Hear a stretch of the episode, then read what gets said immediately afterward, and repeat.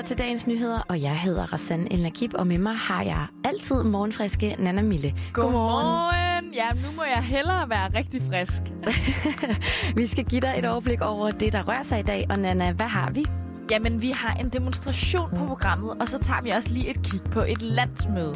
Og så kommer vi også til at se på et parlamentsvalg i et EU-medlemsland, og så tror jeg bare, vi siger velkommen til dagens nyheder.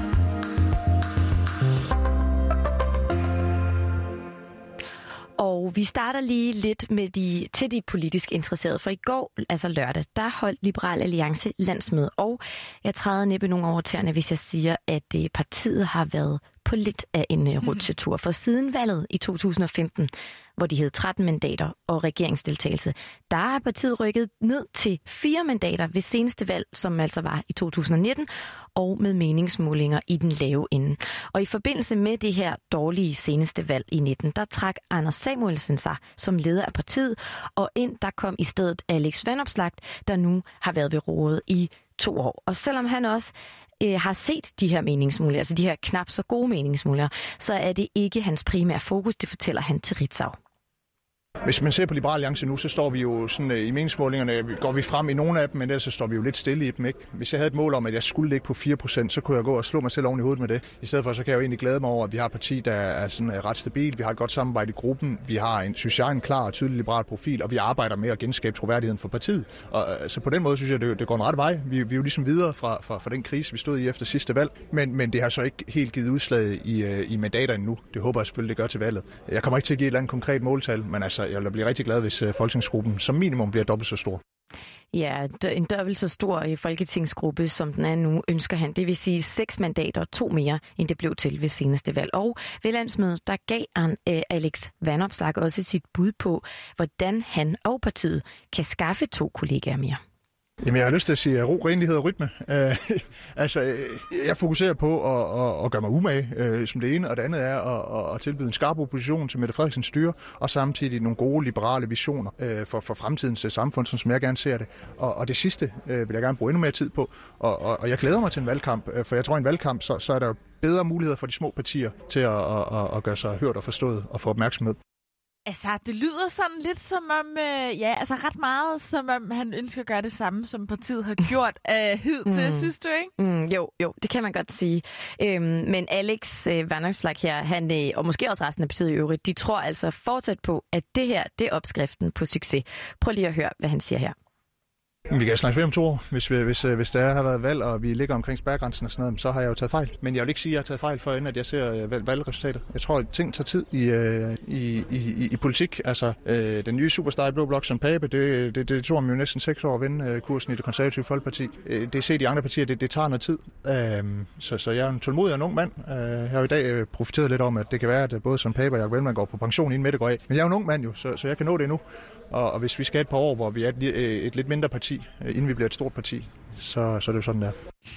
Jeg synes altså faktisk, det er, altså unge unge, ikke? Men jeg synes faktisk, det er en meget fin pointe, altså det her i, at konservative jo for nogle år siden, altså de var jo også på den her nedtur. De kunne heller ikke rigtig finde sig selv, og så ser vi ligesom, at Søren Pape først ved seneste valg sådan for alvor har vendt skuden, ikke? Mm, eller også er det bare fanget som at være et rigtig godt argument for sådan at, at sige, hvis det så ikke går godt næste gang, jamen, det tager jo tid. Ja. Øhm, men, øh, men ja, man må sige, det er i hvert fald uanset hvad, en god måde at sige det på. I hvert fald kan man sige, at det, øh, der er lidt at diskutere her, hvis man er politisk interesseret. Og så skal vi altså til en demonstration, der sker i dag. Og Rassan, hvis jeg siger, at det er for natur og i København, kan du så prøve at gætte, hvorhen det bliver afholdt? Altså, vi så, vi har jo stået og snakket om det før, og jeg gætter yeah. seriøst på Amagerfællet. Ja, og det er også rigtigt. Jeg skulle til at sige, demonstrationer i dag i nyhederne, det er enten eller enten, så er det Men en Black demonstration, eller også er det Amagerfældet. Og den her gang, så var det altså rigtig nok Amagerfældet, det drejer sig om igen. Eller man kan jo også øh, vælge at sige, at det drejer sig om Amagerfællet stadigvæk. Og mm. vi har mm. altså talt med Steffen Rasmussen, han er talsperson for Amagerfællets venner, som altså endnu engang står bag demonstrationen. Der samles vi alle sammen ud på Amagerfællet ved bjerget, hvor at, øh, der vil være en, en kort tale, og så vil vi lave en folkering, og det bliver så Amagerfællets venner 6. folkering, som vi vil lave rundt om det område, som vi kalder Tornsangerland. Og øh, det er for at symbolisere, at øh, nu skal vi by og havn snart gå i gang med at, at indhegne det sidste område, som øh, de har tænkt sig at, at klargøre til, til byggeri af Fælledby. Og øh, det er vi stadigvæk meget imod, og det vil vi gerne markere på den her måde, for at, at sige, at vi er stadigvæk bevågen på området, og øh, vi forbereder os til, at det kommende valg her den 16. november i år. Ja, og det valg her, som der bliver nævnt af Steffen, det er naturligvis kommunalvalget, der er lige om hjørnet næsten, hvor det her, sådan, den senere tids kamp om Amagerfællet, altså kan gå hen og blive noget af det, der afgør, hvor folk sætter deres stemmer. Det kender jeg da i hvert fald fra mig selv. Mm. Man må sige, at de også bare virkelig kæmper. Altså, de, ja, det er så fedt, det er så fedt. øh, Nana Mille, hvis, øh, hvis nu man ikke lige er københavner, hvad, øh, måske skylder vi lige at forklare, hvad det handler om. Ja, altså Amagerfællet, det er jo det her store, og nu lyder jeg også bias, men meget smukke naturområde. Og så hvis vi ligesom køber den her meget komplekse situation helt ind, ja, så har kommunen altså valgt at inddrage dele af det her smukke naturområde til at skulle bygge flere boliger på, for vi ved alle sammen, at København mangler boliger. Og det areal, der skal bruges til det, det så er 19 hektar, altså lige under 27 fodboldbaner svarer det til.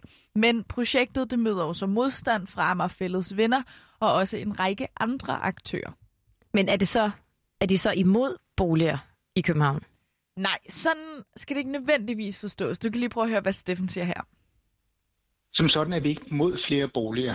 Det vi er imod, det er, at man tager natur for at finansiere metroen, som der er i tilfældet her.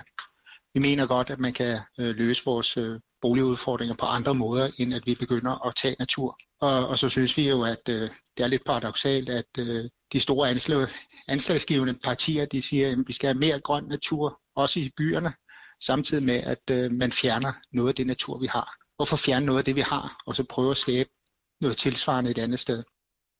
Ja, og Extinction Rebellion, Amager Fælles Venner og Danmarks Naturfredningsforening er altså blandt de organisationer, der står sammen om demonstrationen, der altså starter klokken 10 i dag. For rigtig mange københavner er Amager Fælled et stort frirum, hvor man kan komme væk fra hverdagens stress og ja, og, og bare nyde øh, og, og komme ud i det grønne og, og slappe af. Og for andre så er det jo også et, øh, et rigtig øh, dejligt udflugtsområde for at komme tæt på naturen, uden at man skal rejse for langt væk. Øh, og, og vi ser jo, at øh, ja, ornitologer og andre, de benytter jo også området, fordi det, det er jo dejligt tæt til, til alle. Og øh, det er jo et, et område, som der, fordi det ligger i byen, er, er let tilgængeligt. Så der er rigtig mange forskellige mennesker, der bruger det. Vi har jo også øh, rollespillere, som kommer ud hver anden søndag og, og bruger naturen til, til deres leg. Og det er jo, det er jo også værdsat, at, øh, at vi er mange forskellige mennesker, der kan bruge den her natur, udover at den også giver plads til, til vores dyr og planter. Som vi også hørte uh, Steffen Rasmussen fortælle i starten her, så det er jo også en måde, hvorpå man ligesom kan markere over for de københavnske politikere på. Uh, og dem regner han altså også med at se nogle af ved dagens demonstration.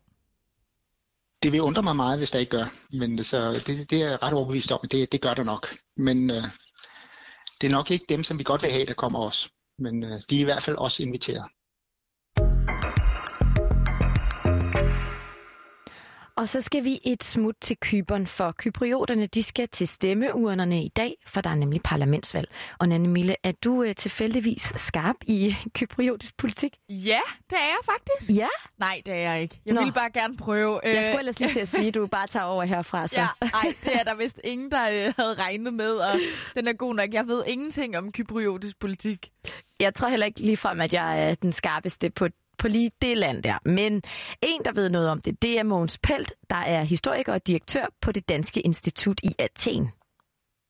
Man kan sige, at selve det afholdt parlamentsvalg øh, på Kyberne er naturligvis en øh, tilbagevendende begivenhed. Det, som er lidt anderledes i år, det er forventningerne til resultatet. Man forventer nemlig, at man får et parlament, hvor de traditionelt ledende og største partier vil tabe terræn, og det vil tabe terræn til øh, mindre partier, et økologisk parti og øvrigt også et stærkt nationalistisk parti. Det man kan man sige, hvis man ser på det ud fra et stabilitetssynspunkt, eller mulighed, mulighederne for at danne en, øh, at have stabilt flertal, eller et tydeligt flertal i parlamentet, det er, at det vil blive til en og måske endda øh, være sådan, at der vil komme en ubalance nu taler jeg om ubalance set fra præsidentens synspunkt, mellem parlamentets øh, mulige flertal og så præsidentens tilhørsforhold. Og det skyldes altså, at præsidenten bliver siddende, for han er først på valg om to år i 2023. Og hvis parlamentet ikke ender med at være på linje med præsidenten Nikos Anastasiadis, så bliver det svært for præsidenten at få gennemført sin politik. Men Mogens Pelt nævner også, at der er udsigt til tæsk til de største partier. Og hvad skyldes det så? Det helt store samtaleemne, og det er de fleste, kan man sige, rater øh, som, som det mest presserende problem set med vælgernes øjne, eller det mest provokerende problem, det er det, man kunne kalde korruption og urent trav på politisk side. Man har en, øh, nogen vil kalde det en politisk klasse, som har været den samme mandskabsmæssigt og partimæssigt gennem rigtig mange år. Og de er så længe i politik, at de øh, på flere vedkommende er anklaget for, kan man sige, har draget fordel af deres politiske situation, personlig fordel vil at mærke, i forhold til øh, erhvervsliv og øh, serinteresser. Men det helt store emne har været de her såkaldte gyldne visager, Ja, jeg skal altså lige beklage, lyden er ikke så god øh, på ham her, Mogens Pelt, mm. men han får lige nævnt de her gyldne visager til sidst, og det kræver vist nok lige en forklaring. For Kyberen er kendt og berygtet i EU for at sælge et kypriotisk pas, der altså giver fri adgang til EU til mere eller mindre sketchy personer uden for EU, mod at de så investerer en vis sum penge i Kyberen. Og det er ikke noget, Kyberen er alene om at gøre. Det gør Malta og Ungarn også, og det er i hvert fald på listen over mistænkte for at gøre det. Men det er altså et af de større issues for vælgerne, som de kommer til at holde øje med. Oven i det så kommer spørgsmålet om corona, som har ramt landet på turismen, som det lever meget af. Og så er der det, det uløste Kyberen-problem, det kendte jeg godt til i forvejen, så, lidt, så meget vidste jeg faktisk. For yes. selvom øen er anerkendt som et land, så er de nordlige 30 procent af øen besat af Tyrkiet, og hvordan det problem skal løses, er for de unge vælger også et issue. Altså problemet mellem Nordkyberen, som, som er sådan lidt sit eget, og så den sydlige del af Kyberen. Så der er mange store spørgsmål, så hvad kan vi sige om et uh, muligt valgresultat?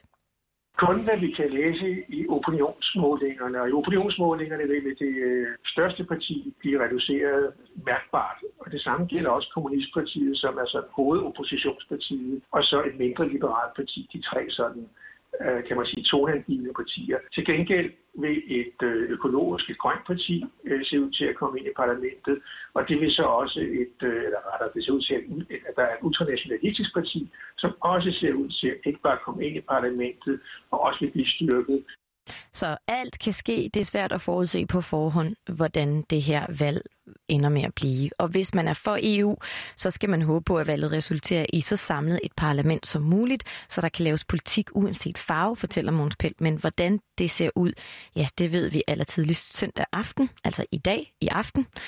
Og og sandsynligvis først øh, i løbet af i morgen mandag. Mm. Og med det, så kom vi igennem dagens øh, nyheder. Jeg kan lige spørge her afslutningsvis. Nana Mille, blev du selv klogere på Kyberen? Ja, det gjorde jeg. Øh, ja. Så må vi se. Jeg tænker, øh, ja, nu er jeg næsten nødt til det sådan lidt cliffhanger-agtigt. Jeg er næsten nødt til lige at orientere mig lidt her i aften eller i morgen. ikke? Bare lige for at se, hvad det blev til nu, men ligesom er teaset lidt for det. Ikke? Det er det. Og din værter har været mig, Rassan Elna Kibber og Mille, og vi siger tak, fordi du lyttede med.